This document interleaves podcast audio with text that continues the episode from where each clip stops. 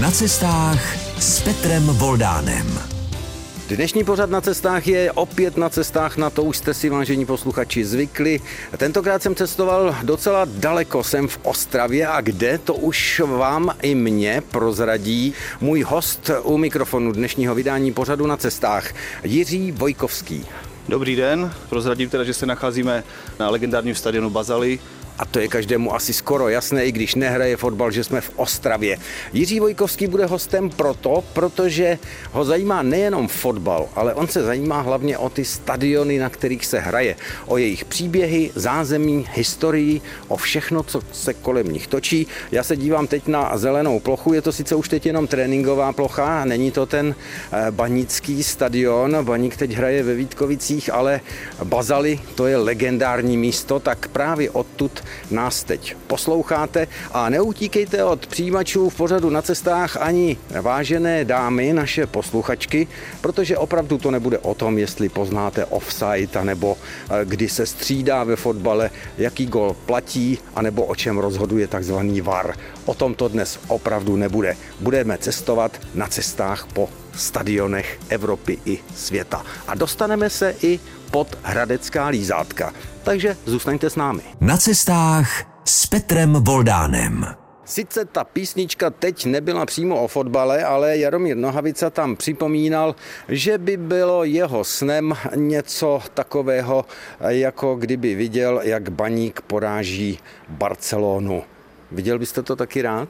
To bych viděl strašně moc rád a dobře jste řekl ty slova, že poráží Barcelonu, protože eh, hodně lidí eh, si spojí s tím, že Baník vyhraje na tou Barcelonou, ale sám eh, Jaromír Nohavica říkal, že mu bude stačit, když poráží, takže když bude vyhrávat 1-0 a pak třeba dostane i nějaký ten gól a prostě prohraje. Ale když Baník poráží Barcelonu, to by bylo skvělé.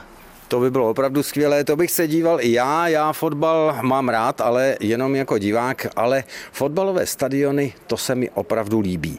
No a já už jsem trošku napověděl, v dnešní vydání pořadu na cestách budeme cestovat po fotbalových stadionech.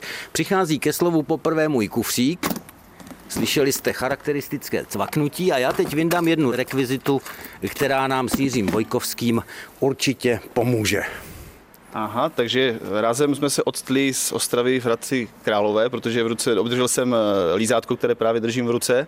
Ale malinké lízátko, to, co znáte, to, co strkáte dětem, abyste je utišili a ukonejšili, anebo je obloudili, když něco po vás chtějí, to lízátko, to je prostě takové šidítko, ale lízátka a Hradec, to je spojení naprosto jasné. No já myslím, že každý stadion je něčím charakteristický. Ten hradecký je v podstatě jakousi i pomyslnou navigací pro motoristy, že se dostávají blíže k centru Hradce Králové, protože ta lízátka jsou v té východočeské rovině vidět hodně zdaleka. On ten stadion ta lízátka teď zrovna nemá, protože v rámci rekonstrukce a přestavby mezi 14. a 16. zářím byla lízátka stažena k zemi. Je to takový opravdový unikát. Poprvé se rozsvítila v roce 1975 ty stožáry 50 metrů, průměr přes 10 metrů, to opravdu jsou lízátka jako hrom. Ona se tam ale vrátí. Mně by to bývalo také bylo líto, kdyby tomu nebylo, ale budou lehčí, budou mít ledkové osvětlení, budou prostě modernější. A teď mi povězte, jak se člověk zamiluje do fotbalových stadionů do jejich historie, jak sbírá fakta a příběhy evropských stadionů. Kdy vás to napadlo? Tak ono to asi je spojeno s tímhle místem, kde se nacházíme, a protože vlastně asi nejvíce jsem se do toho baníku zamiloval v mistrovské sezóně 2003-2004, kdy baník vyhrál titul zatím svůj poslední. Doufáme, že brzy v tom bude pokračovat, že nějaký titul taky získá. Nicméně zpět tomu dotazu, tady na těch bazalech, na těch eh, vysokých ochozech, byl skoro každý zápas vyprodaný. Když ty pohli hráči na hřiště, tak házeli konfety, zpívala se hymna a na mnoho zápasech byly nádherné choreografie. A to prostě fanouška fotbalu upoutá a jak jsem měl možnost vyrazit do zahraničí, tak jsme se tam podívali taky na fotbal, jak to tam chodí a vypadá a no, nestačil jsem se divit, protože první teda zápas zahraniční, který jsem navštívil, byl ve Skotsku v Glasgow na zápase Celticu Glasgow, kdy byl vlastně 60 tisícový stadion vyprodaný a všichni byli fanoušci v klubových barvách do zelená. Měl jste taky něco zeleného? Měl jsem eh, pruhovaný dres zelenobílý, který jsem vlastně v tom týdnu obdržel od jednoho fanouška Celticu, se kterým jsem se prostě dal do řeči a říkal jsem, že jdu poprvé na Celtic, no tak musel mi na druhý den donést svůj dres. Nebyla to pro ně škoda, protože takový fanoušek v zahraničí si, neříkám, že každý, ale kupují si, dá se říct, na každou sezonu nový dres, takže on prakticky vylovil ze skříně jeden z těch starých, ale pro mě to byl opravdu velký dárek, protože dres fotbalového klubu originální s vyšitým logem prostě je krásná věc. No a ten stadion? No stadion Celtic Park takzvaný, tak eh, no, úžasný 60 tisícový kotel, který se, se říct, během možná 10 minut eh, naplnil do posledního místa, o čem svědčilo, že vlastně těch eh, stadion má spoustu vchodů a východů, které se člení na další chody a východy, takže fakt v rámci třeba evakuace se opravdu třeba do 5-10 minut dostane několik desítek tisíc lidí ven ze stadionu. Ale ta atmosféra, teda to, co mě nejvíce na tom upoutalo, nebo asi každého, tak ta byla jako co jde použít za slovo, neskutečná, skvělá, úžasná, prostě 60 tisícový kotel. Prostě takový fotbalový chrám. Ono se e, přezdívá fotbalovým e, stadionům chrámy anebo podobně, ale také e, známe plácky, třeba i z toho legendárního televizního seriálu Okresní přebor, když vybíhali tam v Houslicích na ten svůj stadion, tak to bylo trošičku něco jiného. Ale u nás máme také legendární stadiony, stačí říct, nejenom pro fanoušky fotbalu, třeba stadion v Dolíčku anebo na Stínadlech a oni už si to rozebírají rozebírají, kde který z nich je. Když bychom měli z českých stadionů říci nějaký zvlášť zajímavý, který je něčím pozoruhodný, co jinde ve městě nemají, který byste vypíchl architektonicky nebo svým okolím? Tak jak jsme už říkali, každý ten stadion má něco svého do sebe, ale přímo když se zaměřím jako třeba na ten vzhled, tak může to znít ode mě divně, ale prostě stadion Sparty Letná, tak eh, ten má dvoupatrové tribuny, což u nás není úplně obvyklé a musím říct, že jako ten stadion se mi vždycky jako hodně líbil. No. Ty dvě patra tribun takhle nad sebou, to vypadá tak opravdově fotbalově, to mě na tom upoutalo. No, jsou stadiony, kde se také trochu bydlí, bydlí tam třeba správci. U Nisi v Liberci tam mají stadion, který je trošku i vytesaný do skal. Někde jsou stadiony v zahraničí, které jsou jako stavebnice. Povídáme si o svatostáncích pro fotbalovou hru s Jiřím Vojkovským, který nejenom miluje ty stadiony, ale on jich spoustu i objezdil, popsal, vydal už dvě knihy a třetí, jestli se nepletu, se chystá. V prvním dílu to bylo okolo 40 stadionů, ve druhém dílu té knihy Historie, fakta a příběhy evropských stadionů to bylo o dalších zhruba 50 stadionech. Kolik jich chcete popsat a představit čtenářům?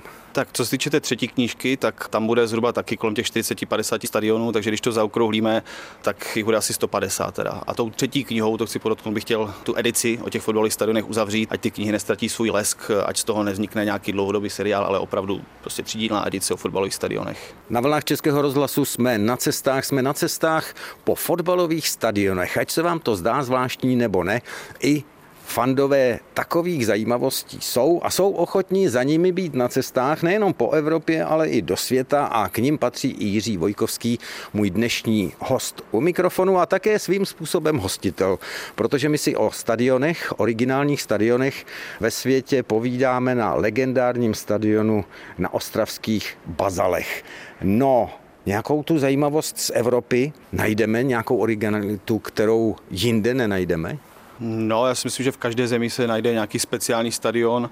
Teď se na mým paměť zabrouzdala do Španělska, do Valencie na slavný stadion Mestalla, který má sice v vozovkách jen 55 tisíc kapacitu, ale člověk si tam připadá, i kdyby byl třeba na Nou Campu v Barceloně, který má skoro 100 tisíc. A to proto, že ty tribuny jsou tak strmé a tak vysoké, že tam opravdu do posledních řad si člověk připadá, kdyby šel skoro po žebříku, když to přeženu a tam jsme seděli, jak jsme byli na fotbale na Valencii v předposlední řadě a to jsme, jak jsme napočítali, jsme byli na úrovni 12-patrového domu. Takže ty strmé tribuny například se mi teď vybavili na stadionu na Valencii. Máte radši takové ty ohromné stadiony s tou eh, slavnou aurou okolo, jako je třeba ten No Camp, anebo takové ty stadiony, řekněme v úvozovkách trošku rodinné, jako když se třeba z balkonu dívají eh, fanoušci Bohemky v tom dělíčku ze svého domu, kde bydlí a vidí přes ty tribuny až na to hřiště? Dělíček, dobrá, dobrá připomínka, taky jako dá se říct legendární eh, český stadion, ale když se bavíme o těch evropských, eh, já jsem si vyzkoušel, vyzkoušel, v vozovkách vyzkoušel, prostě navštívil i ty obrovské stadiony, které byly vyprodané, tak i třeba menší stadiony, které byly poloprázdné. A Věděl jsem, že to tak bude, že ten stadion, například teď mi napadl Rapid Vídeň, kde tam byl fakt opravdu prázdný stadion na takový průměrném ligovém zápase, ale jo, to jde o to nasát tu atmosféru, jak to tam chodí doopravdy, nejen když je ta pořádná show, když přijede nějaký rival, ale i prostě normálně, jak to tam při tom fotbale, jak se tam fandí při tom klasickém zápase. Teď jsme byli teda ve Vídni, když se vybavím teda jako nějaký ten menší stadion, zase použiju, zase dohodám do úvozovek, tak eh, se mi vybaví nedávna návštěva, což byl stadion třetí ligový, německá třetí liga Dynamo Drážďany, který má teda kapacitu přes 30 tisíc, 32 tisíc tuším ale ten je zase atypický tím, nebo atypický, prostě ty tribuny jsou v těch klubových barvách žluto-červené a tam se tak šíleně fandí, přitom je to, dá se říct, takové, no aspoň tak, jak jsem zažil Drážďany, takové bych řekl město duchu, historické město duchu, ale na fotbale je tam pořádný kotel a to stojí za to prostě zase zažít, inspirovat se a navštívit nějaký další stadion. No jak když jsem se chystal na ten specifický rozhovor v dnešním vydání pořadu na cestách, tak jsem narazil na zajímavý stadion, který je v Portugalsku a tam místo dvou stran tribun ten kotel tvoří prázdné skály. Tak to si myslím, že je docela originalita. Když bychom se podívali mimo Evropu ještě na další podobné zajímavosti, takové totální unikáty, co byste připomněl? Tak když jste zmínil tu Bragu, tak jen tak krátce, opravdu jsou to dvě vysoké tribuny naproti sobě a za jednou brankou jsou skály, za druhou brankou kopeček a tady se dá vyloženě použít to slovo unikát, protože tohle je stadion, který snad není v vidění nikde jinde. A mimo jiné ten stadion vlastně taky popisuju v první knížce, v tom prvním díle fotbalových stadionech. A když jste zmínil nějakou tu opravdovou top zajímavost, tak teď si bavím stadion, na kterém jsem teda nebyl, ale je to stadion v Singapuru, kde vlastně, je to dá se říct plovoucí stadion, respektive plovoucí hřiště, které je prostě na přístavu na moři a tribuny jsou na souši. A aby řekl pravdu, ale nevím, jako, co se tam jak odehrává, ale jako nic takového jsem teda neviděl a myslím si, že na světě ani nic takového už neexistuje. No, viděli jsme třeba exibiční tenisový zápas na plovoucím molu nebo pontonu na Vltavě jednou, ale fotbal na vodě to jsem také neviděl. Ono to musí být docela kovbojka na těch fotbalových stadionech unikátních, třeba i na Fajerských ostrovech, kde je ten stadion také tak trochu obklopen vodou a tam údajně i zaměstnávají zřízence, který na lodičce loví ty míče, když se to někam zakopne. Podobně eh, dramatické to je asi i ve Švýcarsku, kde mají eh, jeden stadion ve výšce asi 2000 metrů a na ten stadion se, vážení posluchači a také posluchačky, dostanete prostě jedině lanovkou. Nemáte šanci tam vyjet autem anebo přijít jinak. Což je také unikátní. Jel jste někdy na stadion lanovkou? No, tak to jste mi dobře nahrál, protože... To roce... jsem netušil, že jsem takový nahrávač. Jel jsem jednou lanovkou na fotbal, ale bych to upřesnil, bylo to vlastně v roce 2011 v Istanbulu, kdy jsme, dá se říct, centra výjížděli na zápas na nový stadion Galatasaray a ta cesta trvala určitě víc než hodina a půl, jeli jsme všemi možnými dopravními prostředky a jeden z nich byl právě taková lanová dráha v tunelu, takže jo, jel jsem na fotbal lanovkou. No, vidíte to, kam se až dostaneme při putování za evropskými a světovými fotbalovými stadiony s mým dnešním hostem pořadu na cestách Jiřím Vojkovským. Já jenom doplním třeba k tomu stadionu ve Švýcarsku, bohužel jsem ho také neviděl. Když jsme tam natáčeli postřehy odinut s ostravskou televizí, tak jsem o něm nevěděl, ale rád bych se tam podíval, protože musí být v úvozovkách kobojka, když to některý z těch hráčů přežene, kopne tu svíci, překopne sítě a tam se to teda kutálí z těch dvou tisíc metrů hodně daleko, tam Mičuda. To si myslím, že musí být zajímavé. Na cestách jsme na fotbalových stadionech, po písničce pokračujeme v povídání s Jiřím Vojkovským, autorem už dvou dílů knihy Historie, fakta a příběhy evropských stadionů a rozepsán je i díl třetí. Je to taková bible pro fanoušky fotbalu a fotbalových stadionů, protože se tam představí dohromady, až to bude pokupě všechno na 130 stadionů. No, my přibližujeme takové ty originality, ne ty běžné stadiony, kterých je spousta, světa a my jsme si při písničce připomínali jeden, který je ve Francii a je unikátní tou plochou. No, ten je hodně unikátní svou hrací plochou.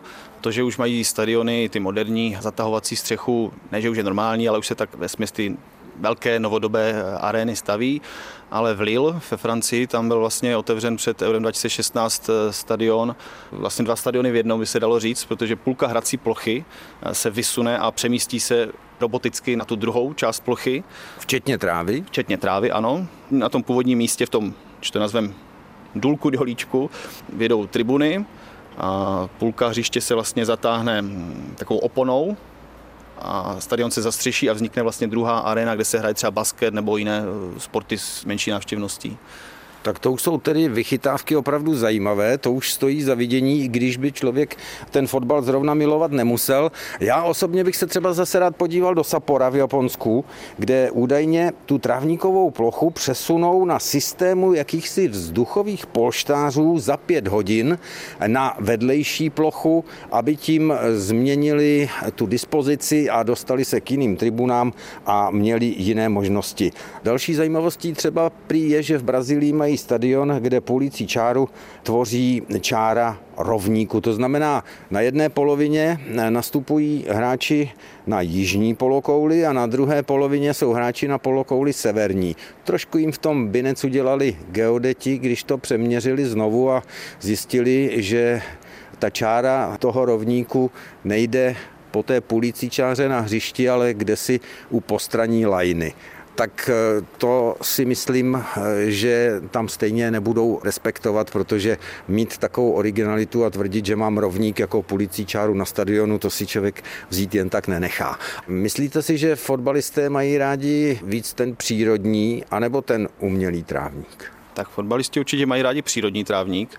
A na trénink samozřejmě je fajn ta umělka, protože může se tam trénovat, dá se říct non-stop. Ten trávník přírodní se poničí po zápase nebo po více trénincích, ale dneska už vlastně je hitem takzvané hybridní trávníky, což je kombinace umělého a přírodního trávníku a uvidíme, jak se to vyvine dál. To slyším poprvé, hybridní auta, to už nám jezdí, to už mnozí i posluchači pořadu na cestách mají, ale hybridní trávník, to je i pro mě novinka.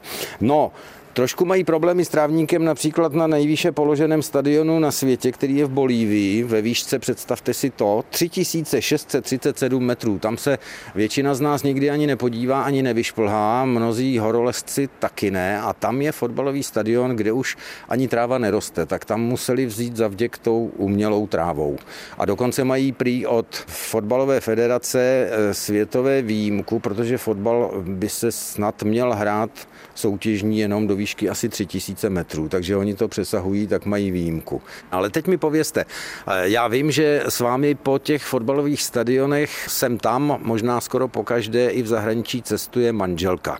Zajímají manželku spíš ty VIP zóny, anebo ta architektura stadionu, nebo proč jí zajímají stadiony? Jí spíše zajímal ten fotbal, si myslím, jako přímo ta hra. Ano, taky jsem jí ukazoval, dívej tam na to, tady mají dva kotle, tam je taková vlajka, taky jí to zajímalo, ale myslím si, že jestli můžu mluvit za ní, takže spíš ta hra, jako, jak to hrajou. Když to přeženu, tak vaše manželka určitě není tak, když jí řeknete, podívej, tady mají dva kotle, že přemýšlí eh, o něčem spojeném s gastronomí nebo s kuchyní, ale že ví, co to ten kotel je. To rozhodně, nejenže vícový kotel, více je offside a prakticky, nechci říct veškeré pravidla, to snad neznáme ani my, ale jo, fotbalu rozumí. Cestujeme v pořadu na cestách po fotbalových stadionech, cestujeme i v zákulisí a to zákulisí asi také zajímá návštěvníky, kteří třeba, myslím si, že ve světě, já jsem to zažil v té Anglii, častěji chodí na fotbal i celé rodiny. Není problém vidět eh, i v televizních přenosech z anglických fotbalových stadionů, že je velké procento žen na tribunách. U nás to až tolik není. Čím to je? Čím to je. Takhle, když vezmeme třeba tu Anglii, jsou tam nádherné velké stadiony, tam je to jako, jako součástí možná toho víkendu, že ta rodina, nejen chlapi, jdou jako na pivo na fotbal, ale že ta rodina prostě jde na ten fotbal. Je tam i to zázemí teda? Tak je třeba to zázemí takové komfortnější. To už samozřejmě se dostávají do našich krajů, ale dříve u nás taky nebyly všechny stadiony zastřešené, neměly všechny stadiony sedačku, takže bylo potřeba vzít v případě deštivého počasí a chladného si pořádný podsedák, podzadek, deštník nebo pláštěnku a, a fandit tímhle způsobem. V té Anglii prostě je to komfortnější, že ty sedačky, které už jsme na ně dneska zvyklí, jako sklapovací, takže samozřejmě, kdyby na ně mělo sprchnout, tak jdeš steče, takže nemusíte někde před zápasem kapesníčkem si tam eh, vytírat po deští louží. A taky to občerstvení, neříkám, že na všech stadionech u nás, jako, ale určitě se jako zlepšilo.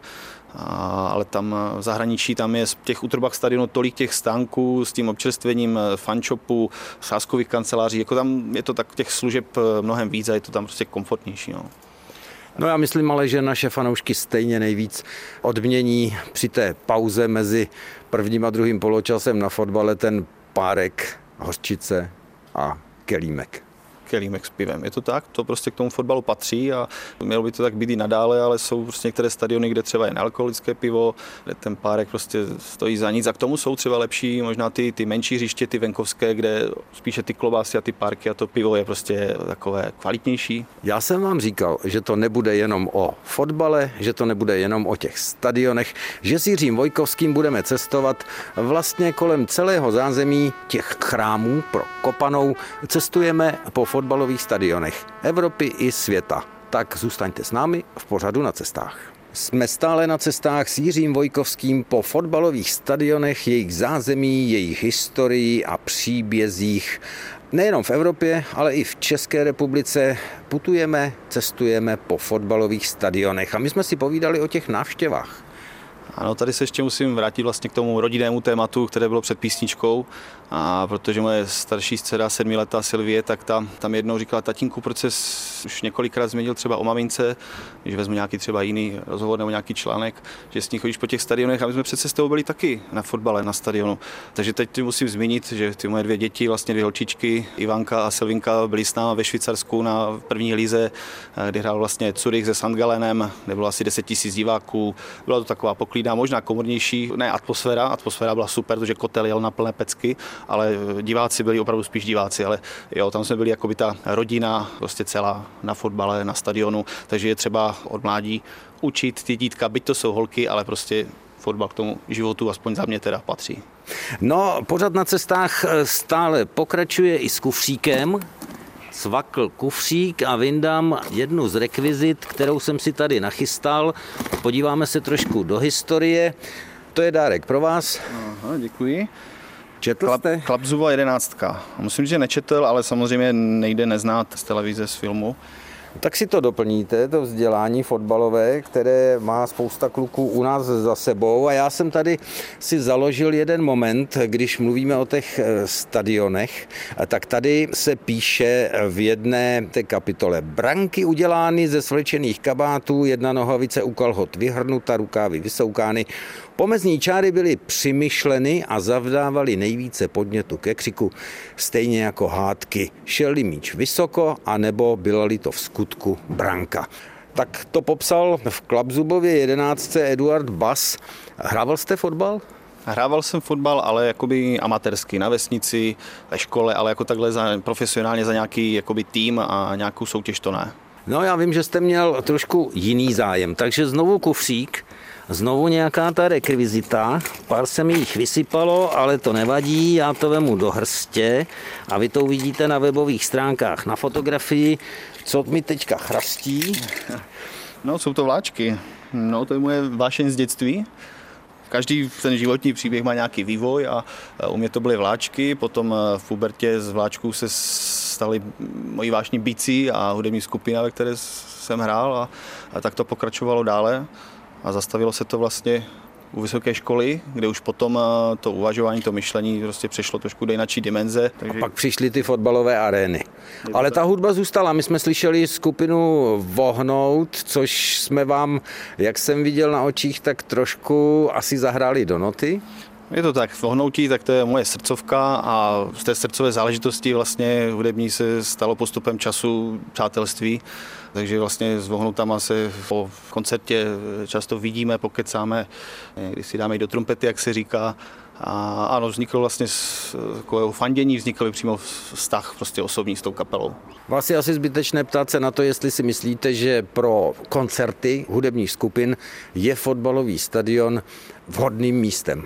Stejně tak jako třeba nějaký ten kulturní sál, anebo, nebo třeba hokejová víceúčelová arena. Tak ono prakticky vlastně, eh, pokud se jedná o velkou slavnou kapelu a čeká se velká účast několika tí, ne tisícová, ale desetitisícová, tak ono to vlastně jinde než v fotbalovém stadionu nebo v nějaké hokejové areně udělat nejde. A vlastně jsme se taky bavili o těch nových arenách, které se staví, tak eh, hodně z nich má taky to vysouvací hřiště nebo z toho důvodu, že když se tam koná takový koncert, velká akce, tak to hřiště vyjede, aby se že nepošlapalo, neponičilo a koncert se uspořádá a jede se dál. A to je důležitá věc, protože protože celkově ty fotbalové stadiony už se dneska staví tak, aby nevydělávali jednou za 14 dnů, když se hraje fotbal, ale aby prakticky vydělávali každý den, protože jsou tam kanceláře, obchody, hotely a prostě ať ten objekt vydělává majitelům. Prostě není to jenom ten stadion a tribuny.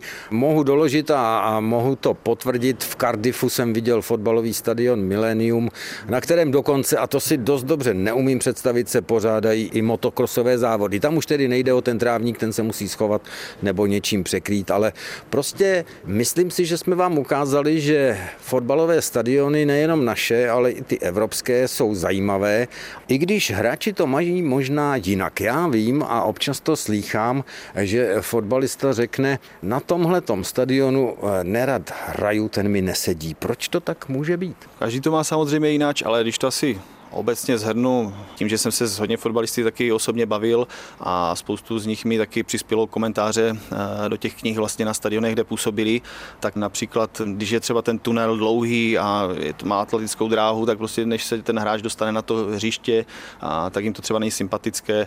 Potom to, co mají fotbalisti jako nejraději, tak jsou tribuny, když jsou co nejblíže k hrací ploše, takže nejraději mají, když mají diváky co nejblíže k sobě. A tak to mají si myslím i fanoušci. Já myslím, že ano, ty stadiony jsou takové neosobní, ty, které jsou z dřívější doby nebo multifunkční, kde jsou ty široké atletické běžecké dráhy a kde opravdu ten kontakt je velice vzdálený. Jiří Vojkovský, můj host u mikrofonu, který má v malíčku historii, fakta, také příběhy evropských stadionů a napsal o tom knihy, ví, o čem mluví i o vztahu těch fotbalistů k tomu trávníku, protože on je autorem i monografie o jedné z legend našeho fotbalu. Baroš, jméno Baroš vám určitě něco řekne, slavný ostravský fotbalista, ale vám komentovali ty stadiony i jiní. Ano, je to tak. Tak to byl Marek Jankulovský, a Tomáš Ufaluší a René Bolf a ti měli vlastně komentáře v té druhé knize a taky Milan Baroš, a to nejde neříct, že vlastně o téhle eh, nejen ostravské, ale české eh, fotbalové legendě vlastně vznikla před rokem, nebo byla před rokem pokřtěná eh, kniha jeho životopis, kterou jsem měl tu čest se spoluautorem Jirkou Holišem napsat a pokřtít. To je určitě zajímavá četba pro všechny fotbalové fanoušky.